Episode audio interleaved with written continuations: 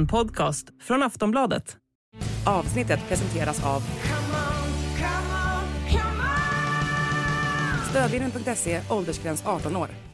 Mannen som sköts på ett gym tidigare i veckan har dött av sina skador meddelade polisen på onsdagen.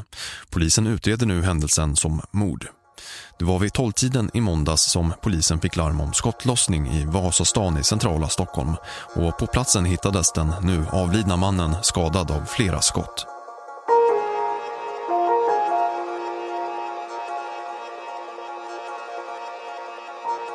Mitt på dagen vid lunchdags sker attacken inne på ett gym i centrala Stockholm. En pistolbeväpnad och maskerad gärningsman är ute efter en speciell måltavla. Men en annan som är där och tränar går emellan och skjuts istället. Gärningsmannen försvinner i en väntande bil. Snart hittas spår som polisen börjar följa och misstankarna pekar mot en 16-åring som går första året på gymnasiet. Det här är mordet på Delta Gym, ett avsnitt av podden Aftonbladet Krim.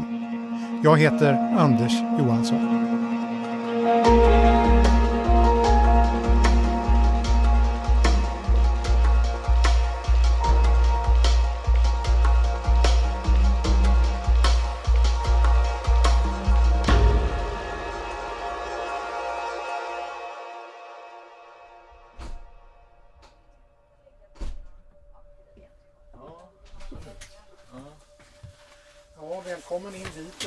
Vår poddstudio. Ja, trevligt. Idag kör vi utan bild. Vi är i Aftonbladets studio. Det är en torsdag i januari 2023 och klockan är strax efter lunch. Vi har fått besök av Rasmus Dahlstedt. Är det möjligt att jag får ha en penna för det om jag kommer på någonting som jag ska säga? Så, så...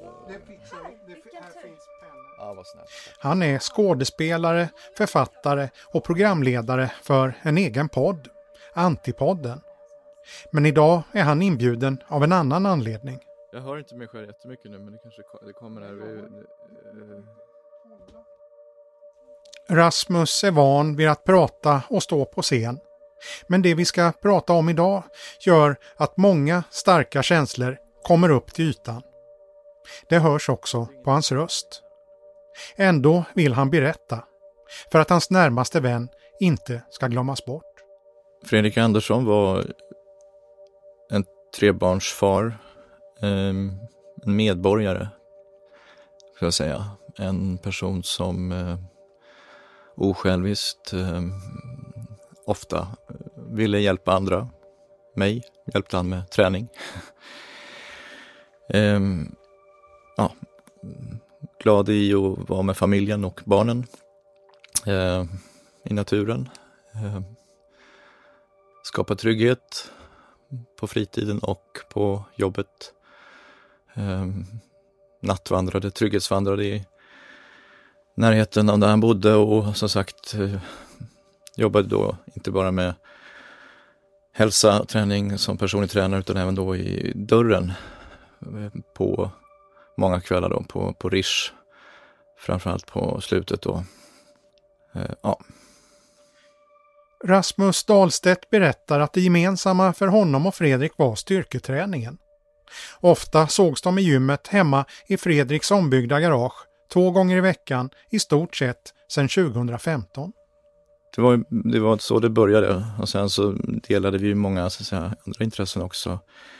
Um, så att vi, men det blev ju utvidgade så sen till att det var fester och, och han kom och tittade på teater som jag spelade och sådär. Han var ju ja, han var ju intresserad av mycket och, och samhällsfrågor och eh, ja, en engagerad person.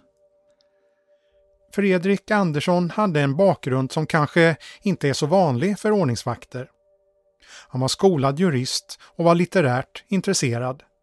De hade en gemensam favoritscen i Odysseen, där hjälten lyckas rädda livet på sina kamrater från den enögde människoätande jätten, cyklopen Polyfemos. Han måste ha varit eh, en av de mest bildade ordningsvakterna i det här landet kanske, den mest bildade. Alltså, men, men han hade inget behov av att hävda det och hans, han hade ju också den här sociala viljan att vara ute i där och möta människorna och att hjälpa till. Så att, ja. När blev sista gången som ni sågs? Ja, det blev ju då torsdagen eller fredagen där eh, innan, eh, det var en måndag tror jag, den 28. Ja. Så det var i den här stugan då, vi hade kört ett pass och um, det var som det brukar vara att vi hade satt en preliminär tid som vi skulle bekräfta då på, på förmiddagen där på morgonen om vi ska ses klockan två eller ett eller tre då, vad som passar bäst. Och eh, jag skickade sms där mm, på måndagen där vi, vad kan det vara, elva kanske. 12 kanske, ja, jag vet inte. Men då, eh, men jag får inget svar och det, det ganska snabbt så känns det, kommer ett obehag för han svarar alltid direkt, Fredrik.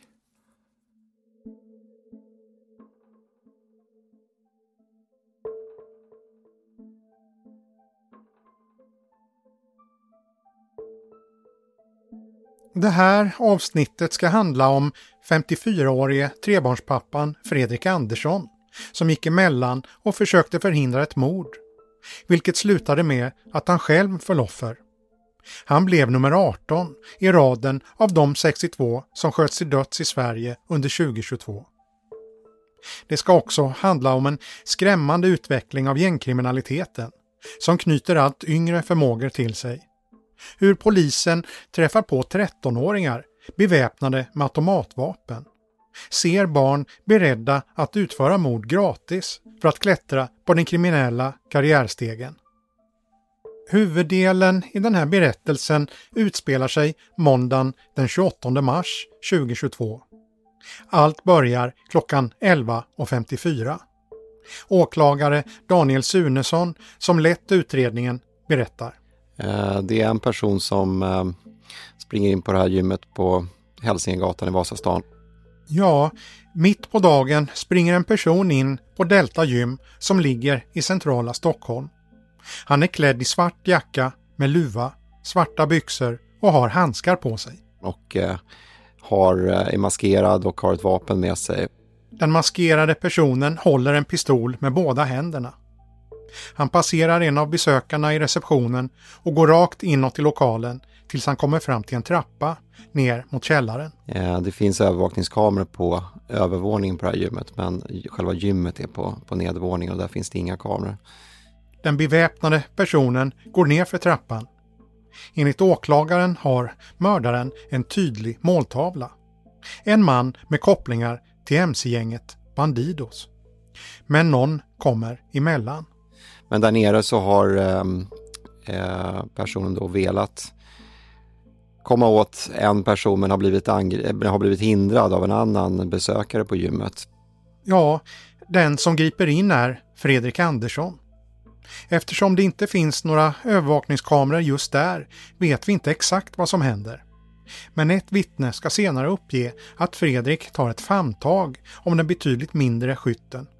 Och det blir tumultartat och eh, i det tumultet så har istället den personen blivit skjuten.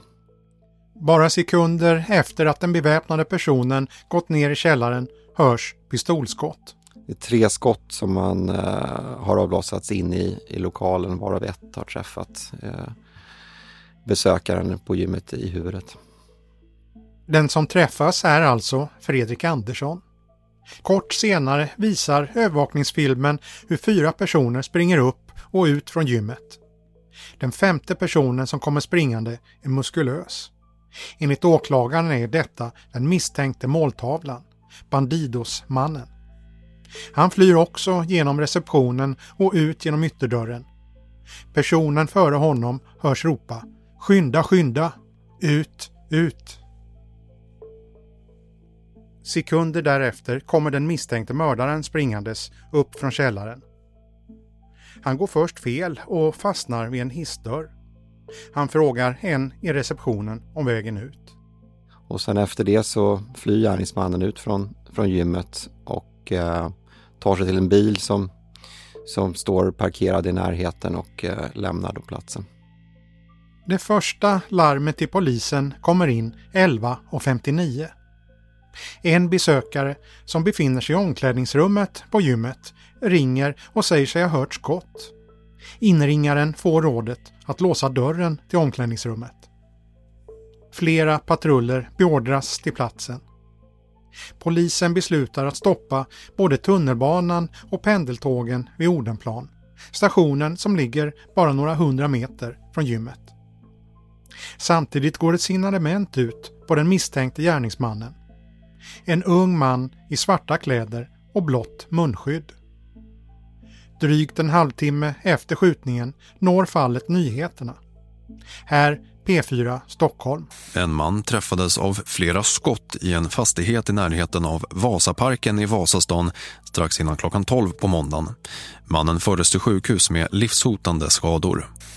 Ungefär samtidigt som de första rapporterna om skottlossningen når medierna börjar polisen ana att den som skjutits inte är den som gärningsmannen varit ute efter.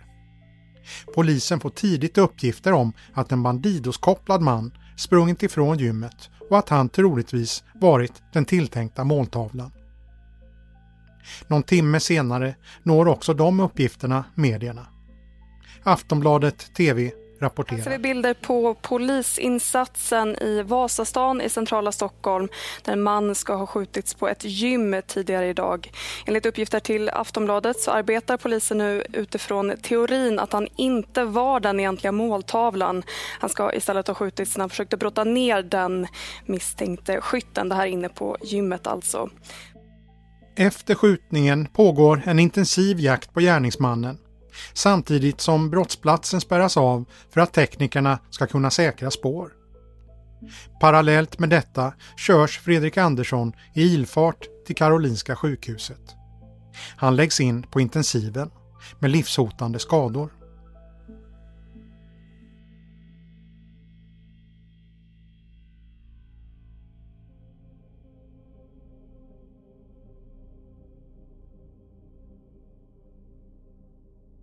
Rasmus Dahlstedt, vännen som vi pratade med i början, hade som sagt stämt träff med Fredrik Andersson den här måndagen. De skulle träna under eftermiddagen men hade inte spikat någon tid.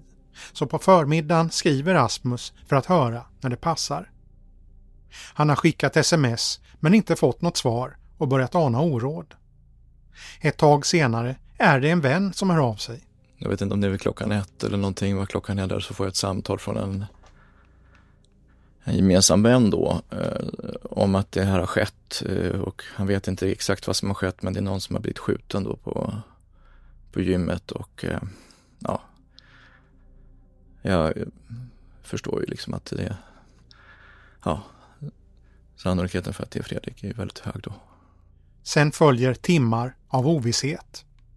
Men Rasmus är säker på att det är Fredrik det handlar om. Det är ett gym där han går och det är mm, jag vet inte om jag får höra också att han har varit på väg dit och eh, han har inte svarat på mitt sms.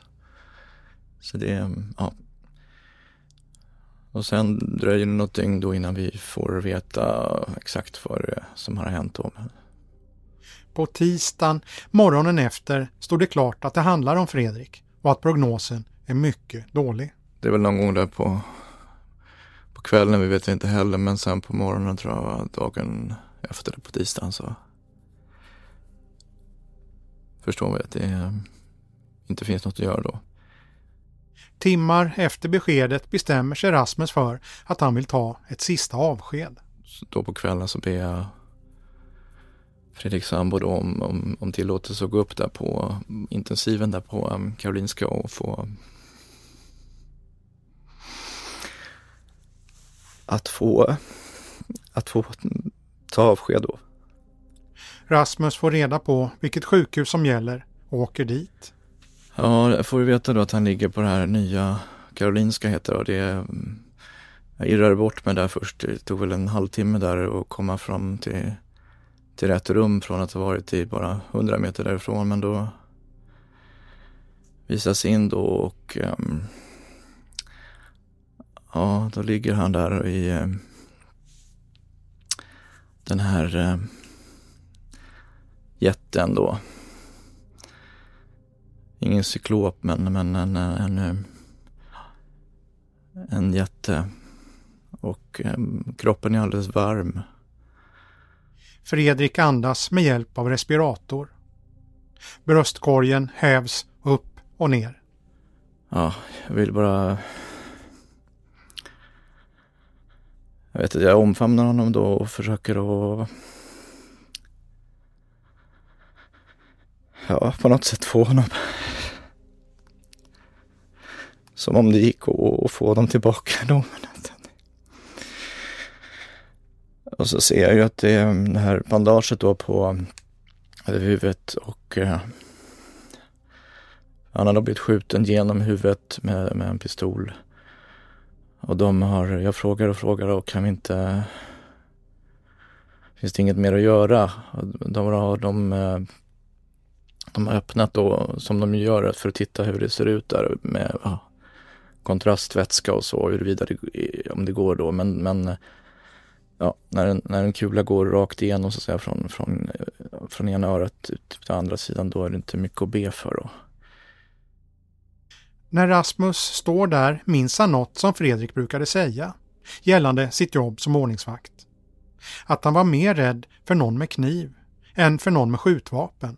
För att det är så pass svårt att skjuta någon, även på nära håll. Och nu är det alltså precis det som har hänt. Så att eh, jag, ja, hur det här har skett, alltså det, han har blivit skjuten på det enda sättet som är där det verkligen är, ja, kört. Um, ja, då, det är omöjligt att inte börja tänka kring hur det här har sett ut. Hur är det möjligt? Alltså den här minimala sannolikheten för att det ska ske. Alltså det enda sättet som han kan sättas, sättas ur spel, oskadliggöras. Rasmus har svårt att ta in vad som skett. Jag får inte ihop det, men, men det här är ju inte det här är inte fruktbart i det här läget utan han, han ligger där och han är han är borta. Men eh, det kändes fint ändå att ta avsked och få få krama om honom en sista gång.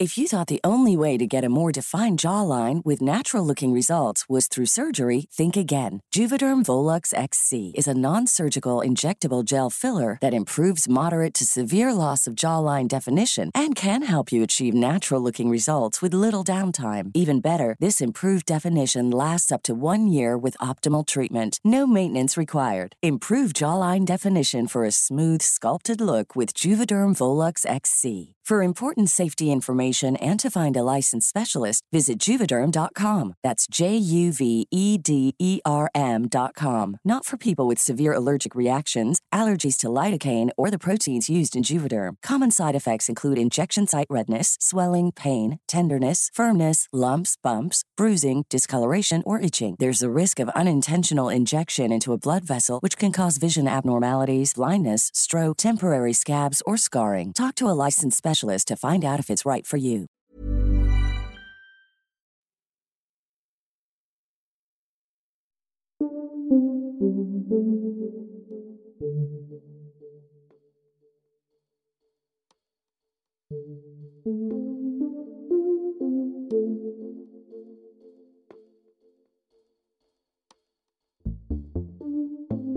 Polisen öppnar direkt en förundersökning om mordförsök. När Fredrik Andersson förklaras död onsdagen den 30 ändras rubriceringen till mord. Eftersom brottet skett i en offentlig miljö, mitt på dagen, finns det många vittnen. Att få in uppgifter från dem och att säkra andra spår är därför prio ett för polisen.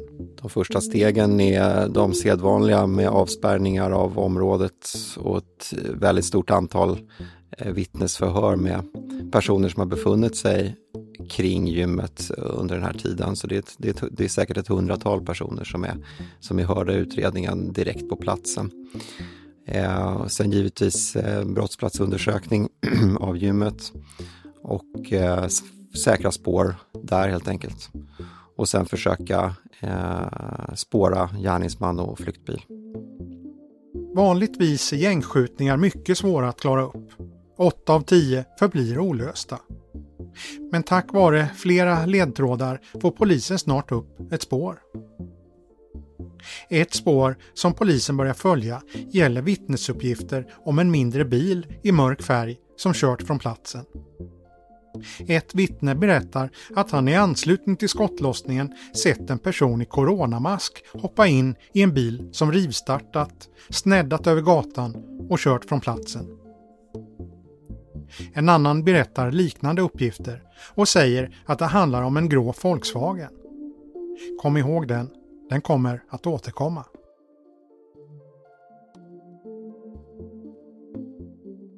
Den 2 april händer något som ska få avgörande betydelse för utredningen. Allt kretsar kring en lägenhet i södra Stockholm som hyrts ut via Airbnb. Lägenheten hyrs ut mellan den 27 mars och 1 april. Men någonting verkar bli fel med betalningen. Den 2 april bestämmer uthyraren att gästerna ska avhysas och att städare ska gå in. De knackar på, men ingen är där. Efter ett tag går städaren in ändå. I lägenheten hittar han två pistoler och ett blått munskydd.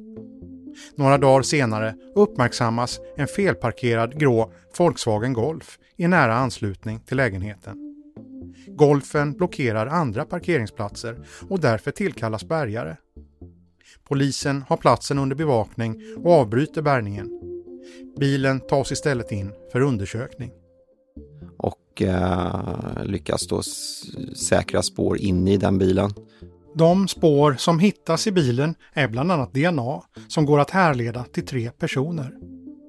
Samtidigt topsas vapnen och munskyddet som hittats i lägenheten. Det ena vapnet går att knyta till både hylsor och en kula som hittats på mordplatsen.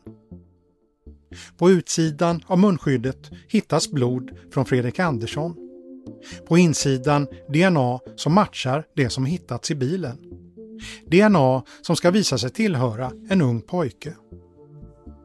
Sen fortsätter utredningen.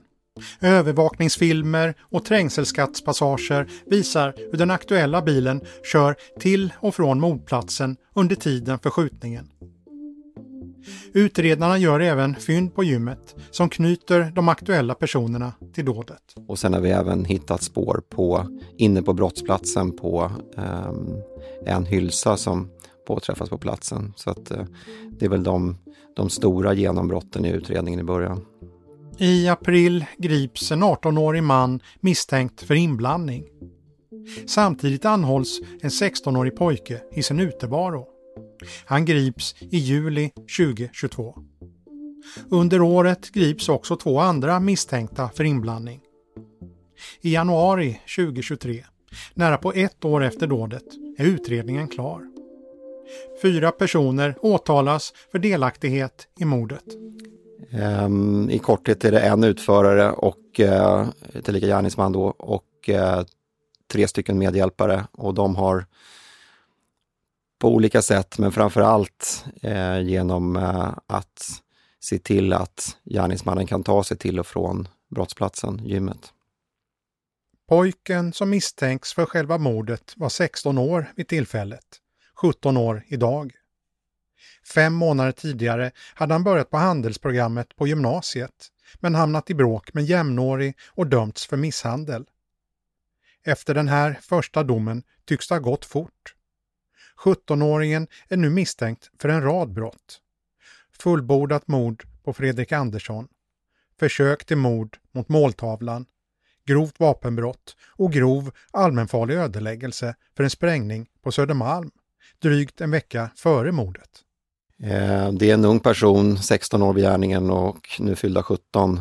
Eh, och eh, något mer om honom som person vill jag, vill jag inte säga, mer än att eh, han är misstänkt för det här brottet och även eh, åt, misstänkt och åtalad för eh, ytterligare två brott. Dels sprängningen då av en restaurang på Södermalm som sker en vecka innan och eh, även ett eh, grovt vapenbrott i Johanneshov där man då hittar mordvapnet plus, plus eh, lite andra saker.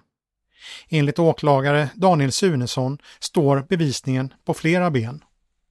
Eh, utan att gå in i detalj på, på varje bevisuppgift så, så är det, eh, det är vittnesuppgifter, övervakningsfilmer och eh, textens bevisning såsom DNA framför allt.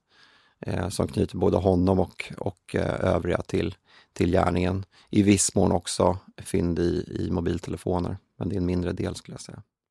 Hur de åtalade själva förklarar de fynd som gjorts har inte framkommit under polisförhören. Det är ingen av de åtalade som har sagt särskilt mycket under förundersökningen så att det är svårt att ha någon eh, uppfattning där faktiskt.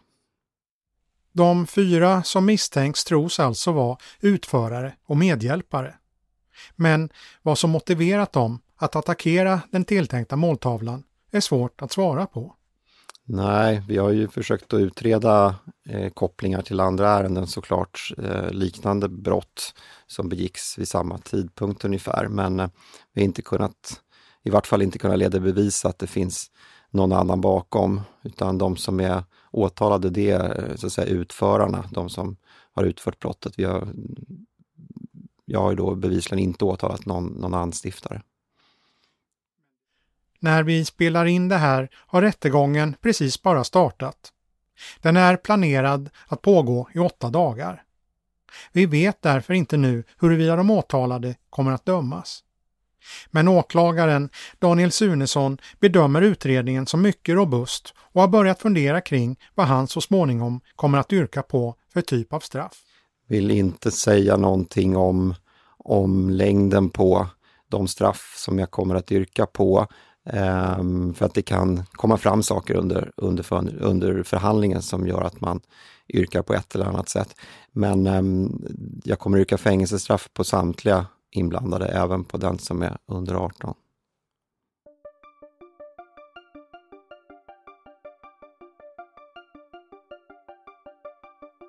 Pojken som nu fyllt 17 riskerar alltså fängelse. Han tycks inte ha några egna kopplingar vare sig till Bandidosmannen eller de som har restaurangen som fick en handgranat inkastad hos sig. Så vad är det som ligger bakom? Vad vet vi mera om den misstänkte mördaren som var 16 år då brotten begicks?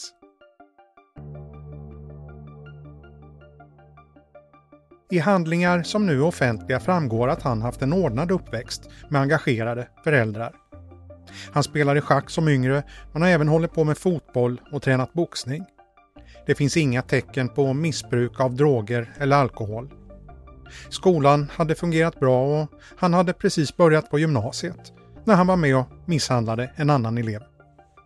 Men han var ångerfull och hade bett om förlåtelse, något den andra pojken accepterat. Socialtjänsten såg inget behov av några åtgärder. Det var hösten 2021. Sen gick det fem månader. Då skedde attacken på Delta Gym. Efter mordet försvann 16-åringen utomlands. Han reste till Armenien där han också är medborgare för att mönstra till det militära. När han kom tillbaka på sommaren greps han misstänkt för de brott som nu är aktuella.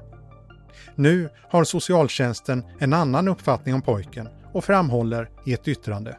Det finns samstämmiga och tydliga uppgifter om att han har kontakter med eller utgör en del av ett kriminellt nätverk. Eller att han är inblandad i grovt kriminella kretsar samt att han har blivit rekryterad dit.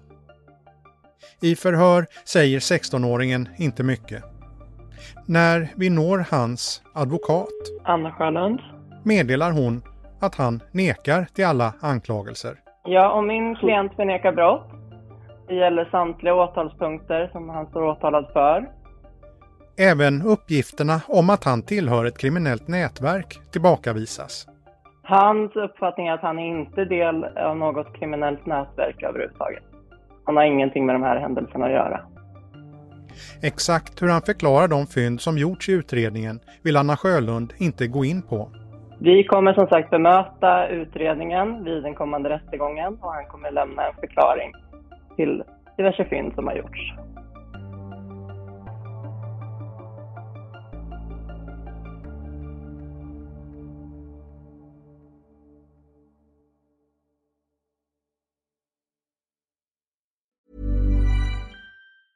Tired of ads barging into your favorite news podcasts?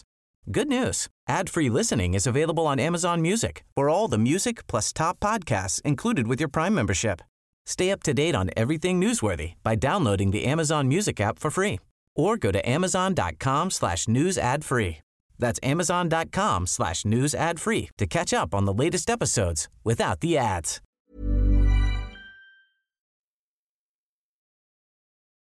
När det här avsnittet spelas in har rättegången alltså precis bara börjat. Hur det kommer att gå återstår att se. De misstänkta är för närvarande inte dömda och ska därmed betraktas som oskyldiga. Samtidigt är det här mordet som bekant långt ifrån det enda som är aktuellt. Den senaste månaden har det varit skjutningar och sprängningar var och varannan dag. En situation som saknar motstycke i flera bemärkelser. Ja, den är förfärlig. Förfärlig, finns inget annat ord. Och vi gör allt vad vi kan för att stoppa det. Och det är ju extremt just nu i Stockholm, för vi har flera kriminella konflikter som har eh, blossat upp samtidigt. Och eh, jag har aldrig varit med om så här mycket dödligt våld på så här kort tid och med så här unga människor. Det här är Karin Götblad. Hon har haft en mängd olika chefsbefattningar inom polisen och jobbar nu vid nationella operativa avdelningen, NOA. I den rollen har hon ett helikopterperspektiv på brottsligheten i landet. Och något som hon följt extra noga genom åren är unga kriminella. När vi träffar henne är det inte för att prata om det specifika fallet som det här avsnittet handlar om, utan om just unga lagöverträdare. Vi ses i polishuset i Stockholm i slutet av januari 2023 för att höra om polisens bild av läget. Ja, det vi ser är nu ganska hastigt att det har gått ner till väldigt unga personer. Alltså här har vi inblandning av personer som är till och med under 15 år. Och det är ju någonting som vi faktiskt inte har varit med om i den här omfattningen någonsin förut. Kan du ge några exempel på vad ni har sett?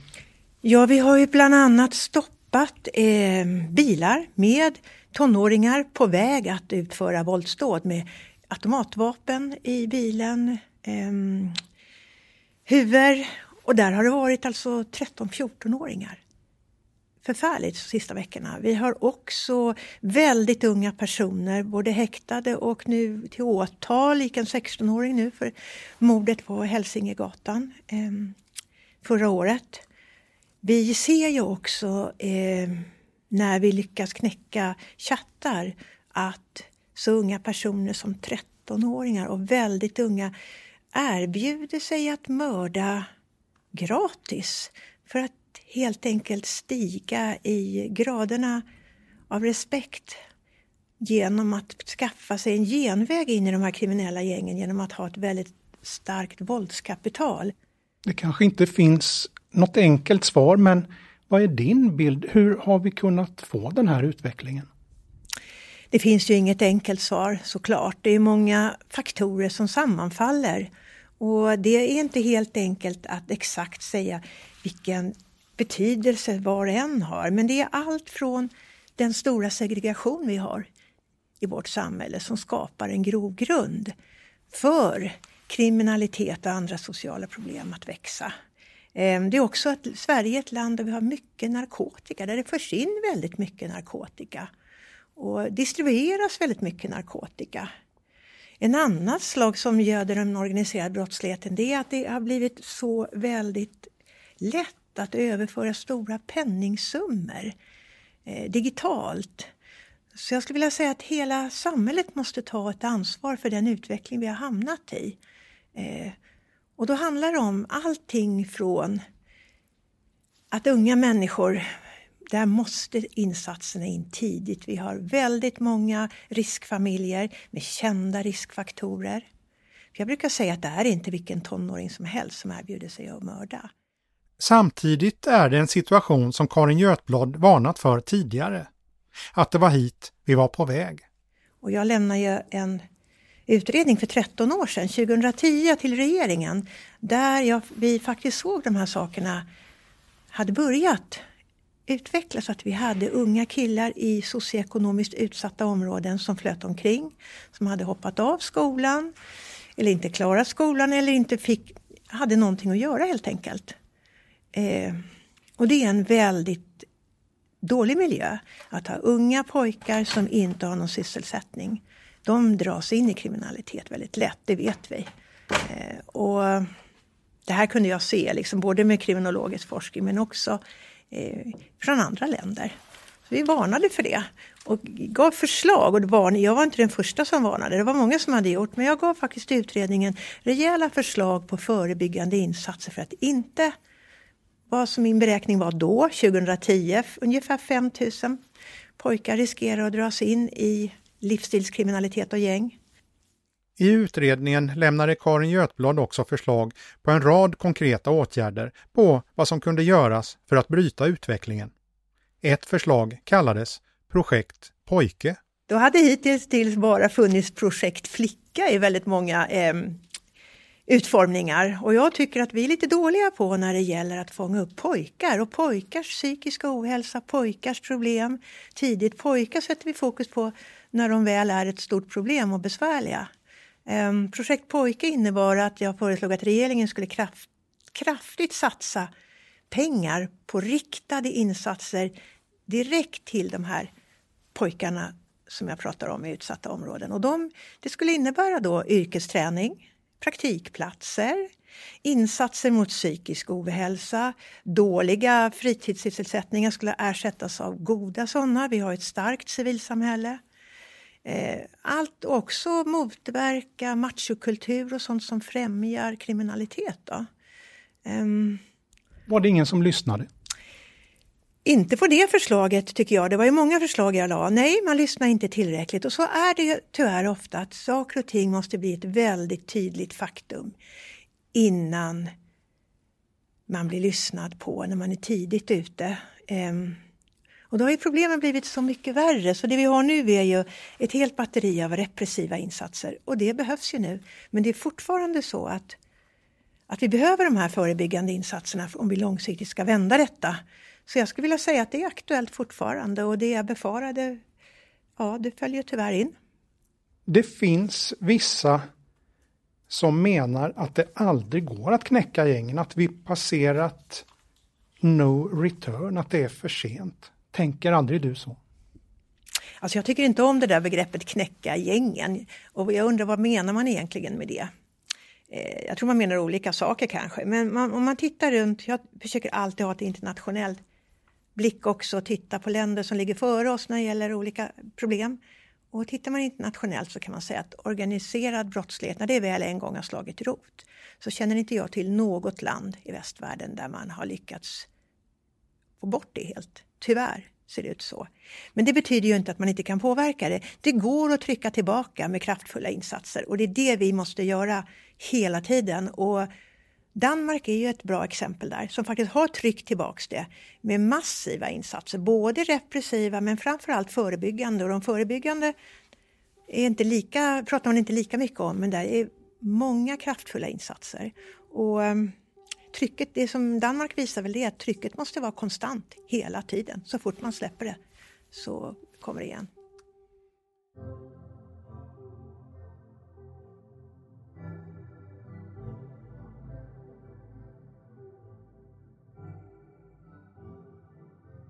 Det har gått snart precis ett år sedan Fredrik Andersson blev skjuten inne på gymmet. Rättegången har bara påbörjats. Oavsett hur det går rättsligt finns det ingenting som kan få Fredrik Andersson att komma tillbaka. Bästa vännen Rasmus Dahlstedt har tänkt mycket på vad som hänt. Att Fredrik gick emellan för att förhindra ett mord. Försöka stoppa en pistolbeväpnad person med sina bara händer. Varför gjorde han det? Därför att han var en sån som eh, gjorde det. Han var en av de få som verkligen agerade i enlighet med de här dygderna som jag beskriver. Alltså det här med hans tankar om, om vad, man, vad en människa ska göra, eller vad, vad, vad demokrati betyder på något sätt. Va? Han går in där. Och det är det som gör den här händelsen som jag tänker är unik. Alltså. För det finns, det sker de här uppgörelserna när någon person blir skjuten eller dödad och då är det interna uppgörelser mellan två gäng eller någonting och sen är det ibland att det händer att oskyldiga drabbas av ett vådaskott. Men Fredrik gick in med risk för sitt eget liv för att rädda en annan människas liv och få plikta med sitt liv. Att Fredrik gjorde som han gjorde är inget som Rasmus är förvånad över. Nej, det, ehm, det är det inte. Alltså det, det, är, det är någonting som sitter i, i ryggraden där. Det är en instinkt, en impuls att jag Eh,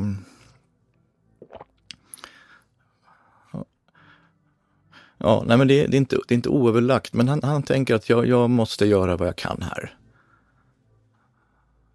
I enlighet med, med de här, någon, någon, någon idé om vad det är, ett ideal om vad det är att vara människa för honom. Alltså sådär. Han vet att han är bättre lämpad än de flesta där på gymmet. Och då, då går han in.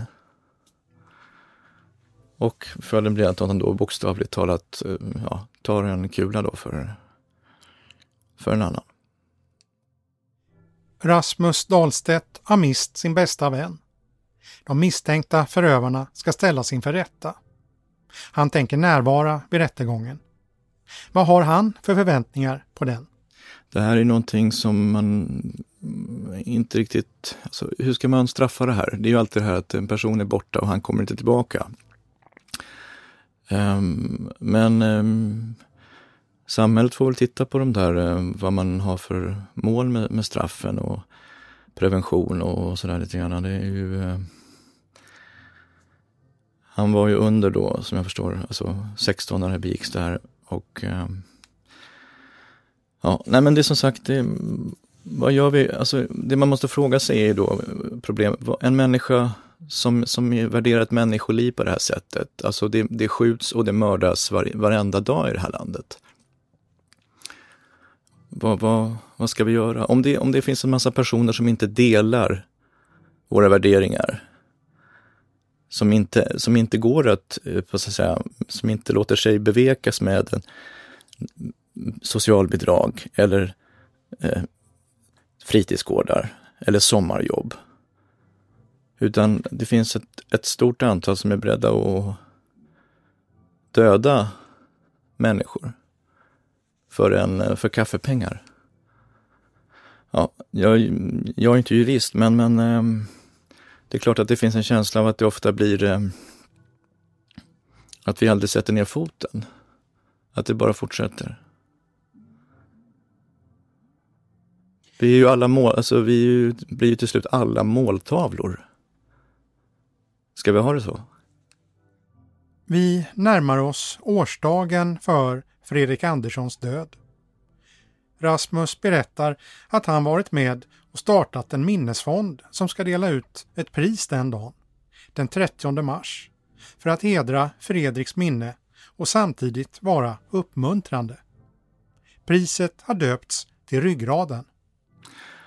Ja, jag, jag, jag vill framhålla det här återigen att man den här unika karaktären på det här ingripandet. Att Fredrik agerar på ett sätt som vi alla vill. Vi, han förkroppsligade de här högsta idealen om osjälviskhet, mod och så vidare. Och eh, skadan är skedd, men, men vad kan man, hur kan man, hur kan man eh, ja, förhålla sig till det här? Eller hur kan, vad gör vi härifrån? Alltså, min, min, jag vill bara att Fredrik, om han hade sett det här så hade han varit väldigt mån om att han inte hade dött förgäves.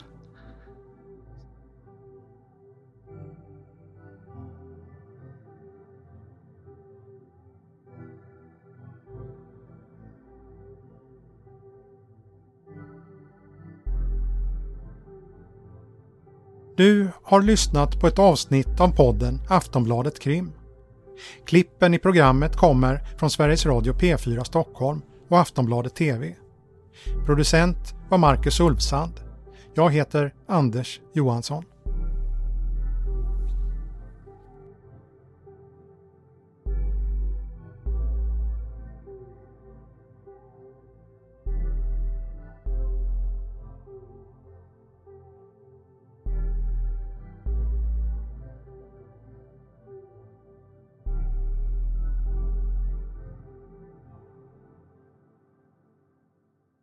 Du har lyssnat på en podcast från Aftonbladet. Ansvarig utgivare är Lena K Samuelsson. Ruby Frankie was known by millions as a very tough mom. That's exactly the way she wanted it. The social media star amassed a huge following of supporters and detractors alike, preaching the values of strict discipline. But you'll learn in a new podcast available exclusively on Wondery Plus how the small empire built by this momfluencer crumbled the moment her 12 year old son escaped their home and called 911. Wondery and Law and Crime bring you the new podcast, The Rise and Fall of Ruby Frankie, which explores the allegations of starvation, torture, and emotional abuse leveled against Frankie and her business partner, Jody Hildebrandt. Learn about the family's path to stardom, the depravity investigators uncovered inside the home, and hear in depth analysis of the ongoing criminal trial. Listen to the rise and fall of Ruby Frankie exclusively and ad free on Wondery Plus. Join Wondery Plus in the Wondery app or on Apple Podcasts.